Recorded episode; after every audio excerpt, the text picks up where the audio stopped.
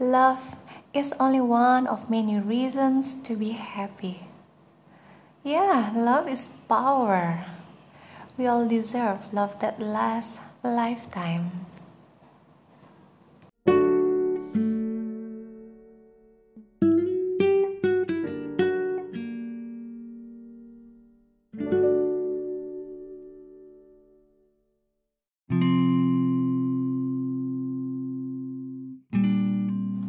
Today, I'm gonna talk about love.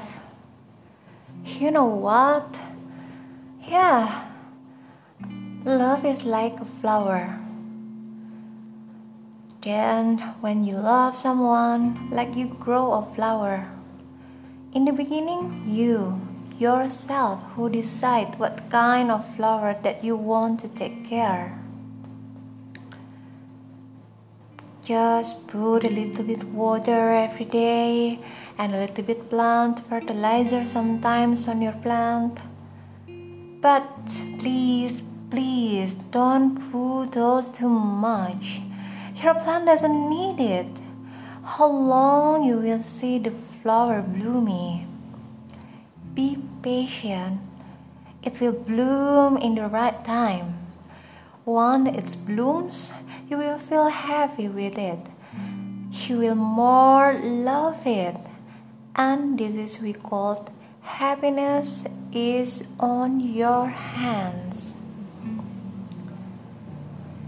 Yeah, but instead of take care of your own plant and wait until it's flower bloomy, you just put your plant on the ground just hoping God will down the rain.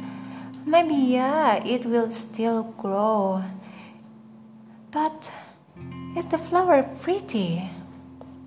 Or perhaps the rain doesn't drop yet, so your flower won't be bloomy and even your plant will be die after.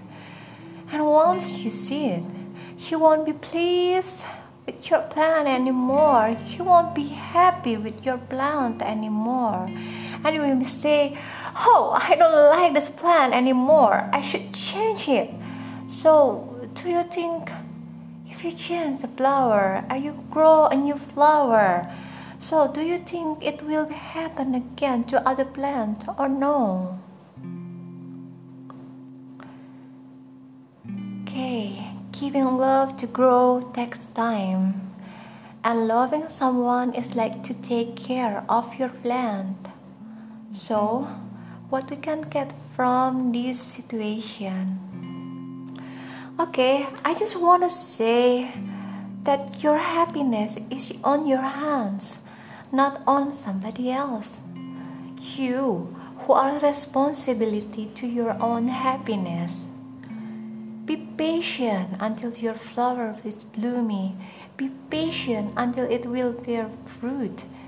The more you give your time to your plant, the more you take care of your plant. The plant will be grow, the flower will be beautifully bloom, and the more you love it. Now, I ask you, you ready to grow your love like flower?